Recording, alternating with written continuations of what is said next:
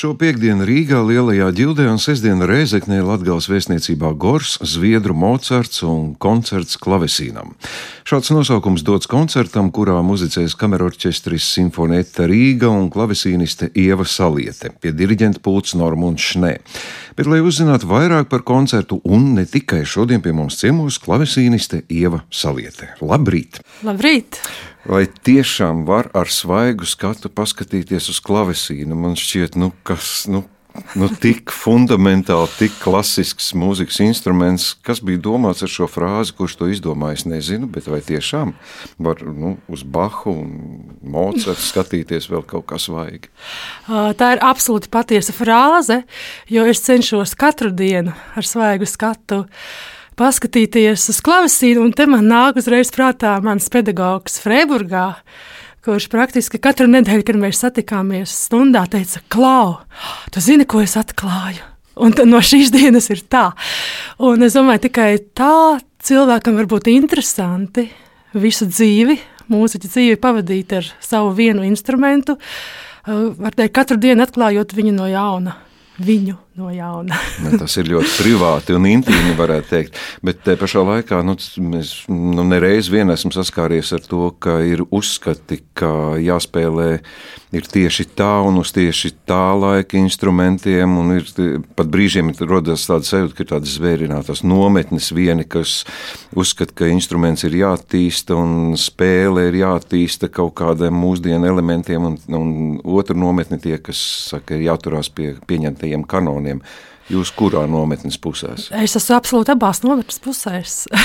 Kā tas ir iespējams? Jā, tas ir domāju, ļoti svarīgi, jo mums gan ir jāizprot šī senā mūzika tiešām padziļināti. Tas ietver sevi ļoti lielu brīvību. Patiesībā man ir ļoti svarīgs katrs punktiņš, svītriņa un katrs pieraksts notī. Kurš man nevis kaut kādā veidā iegrožo, bet tieši ļoti otrādi atbrīvo mūzikas izpratnē, interpretācijā un visādi citādi. Un tā pašā laikā, jā, mēs dzīvojam šodienā, mēs esam šodienas cilvēki. Ļoti svarīgi ir arī sajust notikumus pasaulē, domu, kāda šobrīd ir gaisā. Jo nu, mēs tomēr nedzīvojam atrauti kaut kādā savā instrumentu muzejā.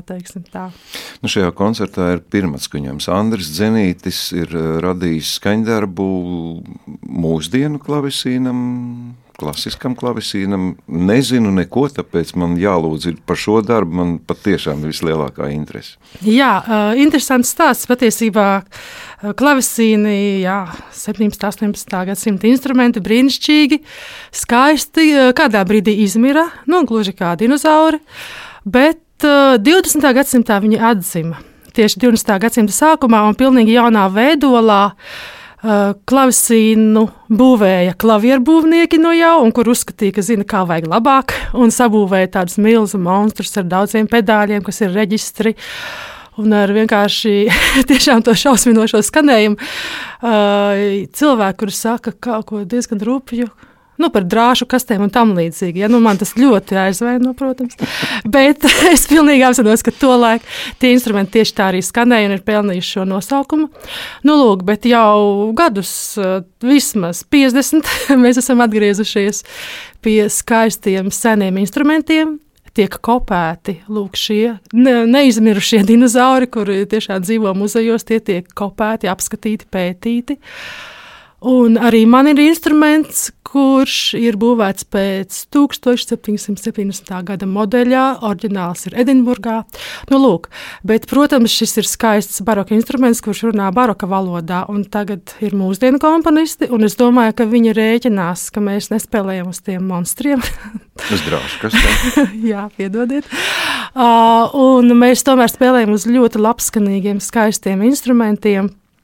Un, attiecīgi, Jā, es ceru, ka viņi tos monstrus pat nav dzirdējuši, un kad viņi raksta, viņi domā tieši par mums, par mūsu nu, bet par Andriu Zenīti. Nu, varbūt jūs Jā. zināt, jūs noteikti esat runājuši, kāpēc viņš raksta darbu klavisīnam. Tur, nu, tur jau ir kaut kādi iemesli. Uh, jā, īstenībā ar Andriju mēs esam bijuši studiju laika kolēģi savu laiku ļoti sen. Un, kad es atgriezos Latvijā, man bija sajūta, ka baroka mūzikā es dzīvoju kaut kādā savā istabā. Un es neesmu vispār piesaistīta Latvijas mūzikas dzīvē. Un es sāku meklēt tieši jaunos komponistus un taujāt viņiem, rakstīt mūziku klavesīnam šodienai. Uh, jā, un kopš tā laika es arī tiešām jūtos vairāk integrēta Latvijas mūzikas vidē. Un Andris Zenīts bija viens no tiem, kuriem es vaicāju pēc skandarba. Es to vispār situāciju ļoti labi atceros. Tas bija zirgu pastā pirms kāda koncerta, tā garām ejot. Un viņš teica, jā, bet būtu foršāk ansamblim kādam, nevis tev solo. Hmm. Nu, lūk, un tad, kā jau tas parasti notiek, 20, es ap citu apskatījos savos sarakstēs. Vecapā apmēram 22, 23, 13. septembrī Andris man raksta 21. gadā. Nu, čau, aprunājos ar Normūnu Šnē, gribu te rakstīt koncertu klavesīnam un stīgām ar simfonietu Rīgu. Nu, tad kopš tā laika viņš raksta. un tagad ir uzrakstījis. O, viņš ir rakstījis jau diezgan sen, un nākamā tā mūsu saraksti bija patiesībā divas dienas pirms kara sākuma Ukrainā. Arī ļoti, ļoti vēlā vakarā. Čau! reku, es uh, kaut ko jau esmu uzrakstījis, paklausies. Un, jā, un šis skandarbs ir radīts 22. gada 21. jūnijā, ir pielikts punkts. Koncerts klavesīnam ar orķestri pēc formas klasisks koncerts, ja vienā brīdī pavīdēja, teiks, ka skaņdarbs, vai ko tad, tad es, tomēr ne? Jā, es domāju, klasiski koncerti mūsdienās arī varbūt ir retums, Uh, tas ir skaņdarbs, jā, kur ir klavesīna, spēcīga solo balss un stīgu grupa. Cik Stīgas. daļas? Trīs daļas. Trīs daļas. Tas klasi. varētu būt klasiski, jā. Mm -hmm. Bet otrā daļa ir kadence, klavesīnam solo, kas savukārt nav klasiski. Es lasot arī ap, apkārt rakstā, ka Andris Zenīts ir iedvesmojies no Rudolfa Pērnes gleznas. Nu, zinām, sasauce ar klasiku ir, kas iedvesmo jūs tikai nošu raksts, pašas uzbūta pasauli. Mani noteikti iedvesmo arī Rudolfa Pērnes glezna. Tā ir tāda ārkārtīgi spilgta saule, kā prožektors patiesībā. Un, jā, arī toreiz Andris man rakstīja, ka grib rakstīt kaut ko meditatīvu, gaišu, un tad ir šis saules ļoti ietilpīgais simbols. Patiesībā man ļoti tuva ir tā 20. gadsimta sākumā kultūra, mūzika, māksla un simbolisti un viss pārējais. Un es domāju, arī tas laiks bija diezgan līdzīgs Pērlis Gleznai ir 1916. gads. Un tas ir arī visā pasaulē jukas kari. Pirmais pasaules kars. Jā, es domāju. Interesanti, vai varat atklāt, nu, spēlējot gan vispār zināmos darbus, gan arī pirmatskaņojumu. Es, es, uz ko vēl kādreiz Gidonam Krēmeram kādā intervijā vaicāja, par ko viņš domā. Tagad jūs arī pieminējat glēznu un tēlēnu pasauli. Gidons Krēmers uz jautājumu, par ko jūs domājat, atbildēja par notīm, es domāju, nevis par ko. Par ko jūs domājat? Nu, tieši tā, es domāju par notīm un vēl vairāk par ritmu. jo es nezinu, jā, šis ir augstākās sarežģītības pakāpes skaņdarbs. Ir skaņdarbi, kur varbūt neizklausās tik sarežģīti, cik tie ir uzrakstīti, un šis ir noteikti viens no tiem. O, sarežģītākais, ko es jebkad esmu spēlējis. Jā. Par dzinēju darbu. Jā. Nu, pirms tam bija Petrškevits darbs, bet nedaudz, nedaudz vieglāks. Tad jādomā, varbūt jūsu attiecības nav tik jaukas, ka komponists piedāvā tik sarežģītu. Uh, jā, Citreiz bet... komponisti ieriebi izpildītāji. nē, nē, mūsu attiecības ir brīnišķīgas, un es domāju, ka nu, ir neizspēlējamas vietas, kuras tā arī paliek neizspēlējamas, un ir arī pateikts, ka šis, diemžēl, fiziski nestrādā. Tā ir fizika. Lūk, bet man ļoti patīk tomēr arī neapgriezt spārnus komponistiem, un jo neizspēlējamāks tas šķiet, acis darba izbijās. jo vairāk tas mani attīsta patiesībā, jo kaut kā jau tas tomēr ir. Nu, labi, par Bahu arī gribat kaut ko pateikt. Tā ir oh, pilnīgi cita pasaule. Uh, jā, Bahs ir viena no manām pasaulēm, bet jautājums, ar kuru Bahu jūs runājat vai domājat? Jo. E, nu, nu, ne to klasisko, bet kas būs koncertā Vilhelma Frīdemana. Jā, tur ir brīnišķīgs sajukums, kurš man arī ārkārtīgi iepriecina. Baham ir 25 dēli. Nu, apmēram. Nē, meitas arī tajā visā.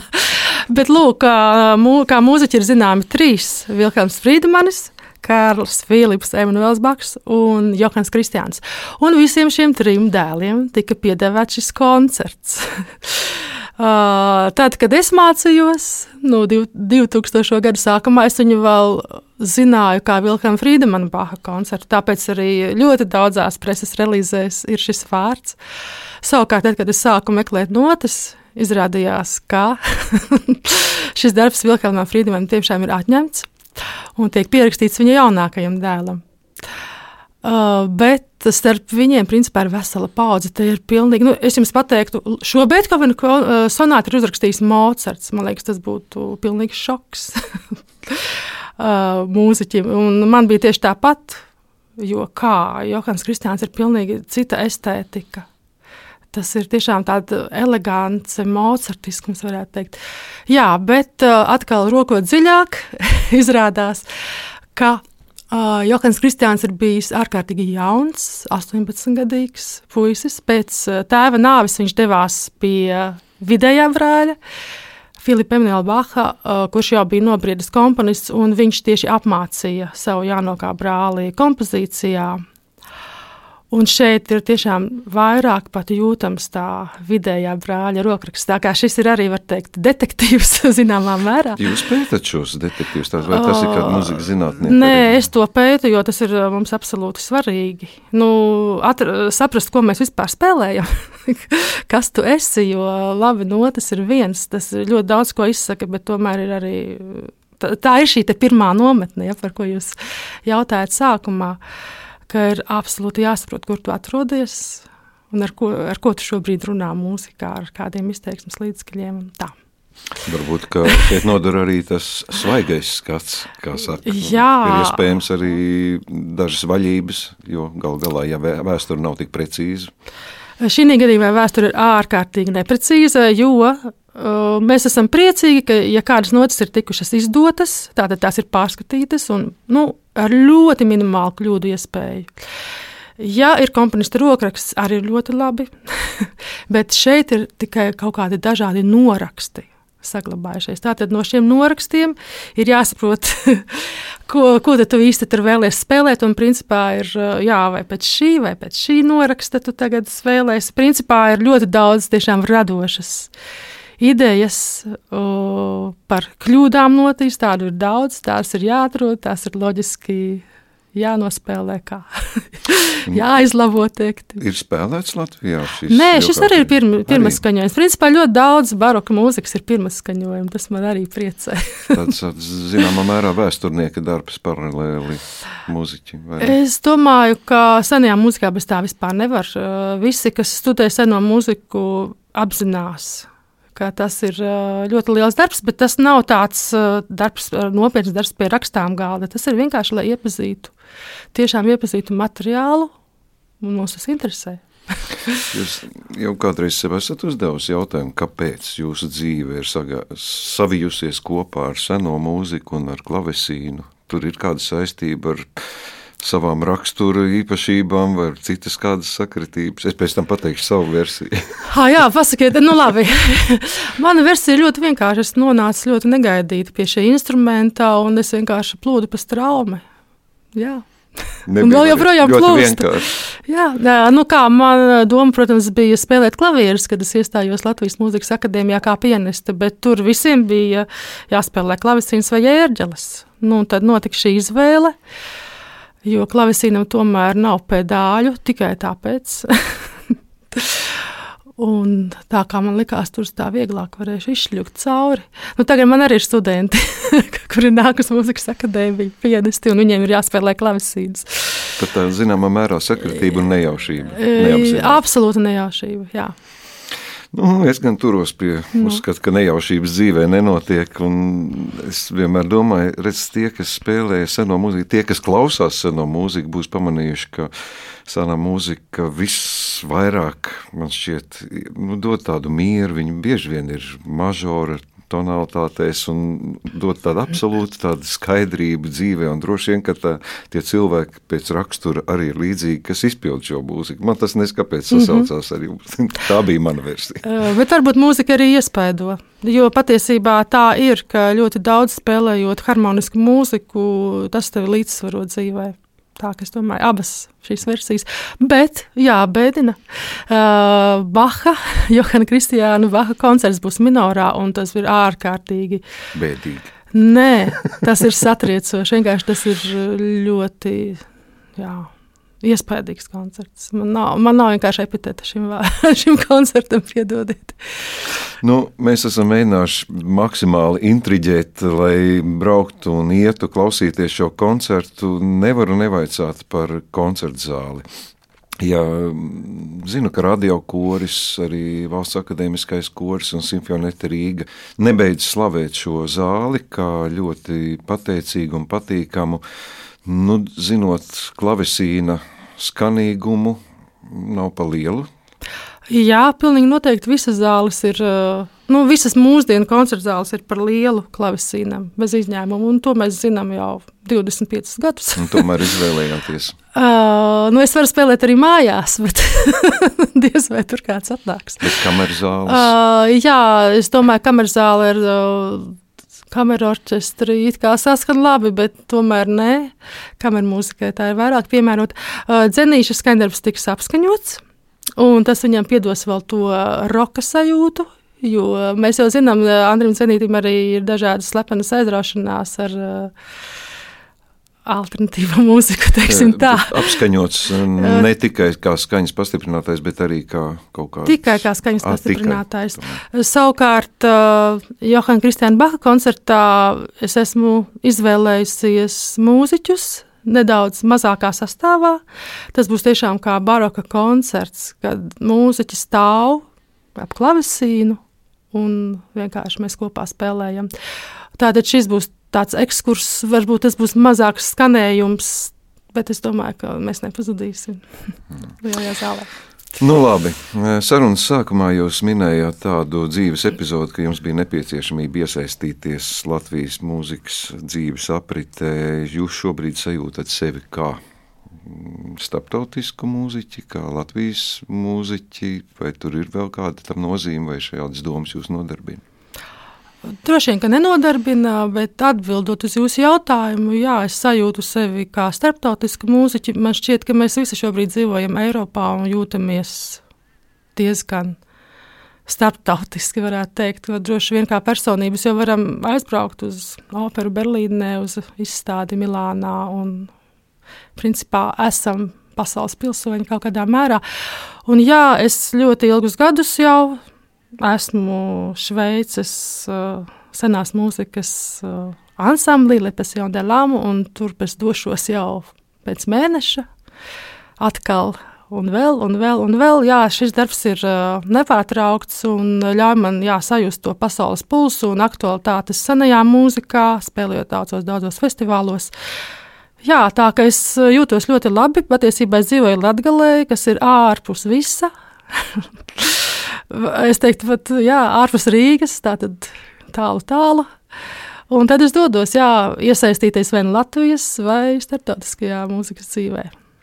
Tās ilgas pēc mm, urbānās vides vai latgales noslēgtības, tās mainās visu laiku. Esat vienā vietā ilgojaties pēc otras un no otras atkal atpakaļ. Es izbaudu katru vietu. Droši vien, ka es uh, nevarētu ilgāk kā trīs nedēļas, uh, jā, man ir grūti, jā, trīs vairāk kā trīs nedēļas nodzīvot mājās. Uh, bet es ļoti, ļoti izbaudu. Vēl joprojām neesmu nogurusi no mūžīgās ceļošanas.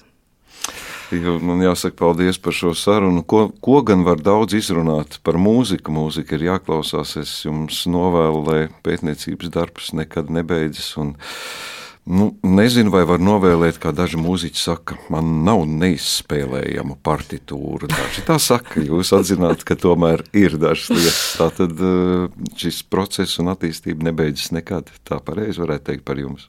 Jā, paldies. Un saglabāt balansu arī ar normālo dzīvi. ar ģimeni. Vai tā ir nenormāli? jā, ziniet, jā, jo tā, tas prasa ļoti ārkārtīgi lielu koncentrēšanos un atdošanos šim vienam procesam un kaut kā atņemšanu citiem. Mēs ņemsim to, ko jūs dosiet no koncerta zāļa un no citu spēles vietu skatuvēm. Paldies par sarunu. Atgādināšu, ka mūsu studijā bija klavesīnisti Ieva Saliete, bet Zviedru Mocards un koncerts klavesīnam būs klausāms un skatāms piekdien Rīgā Lielajā ģildē un sestdien Rezeknē Latgales vēstniecībā Gors.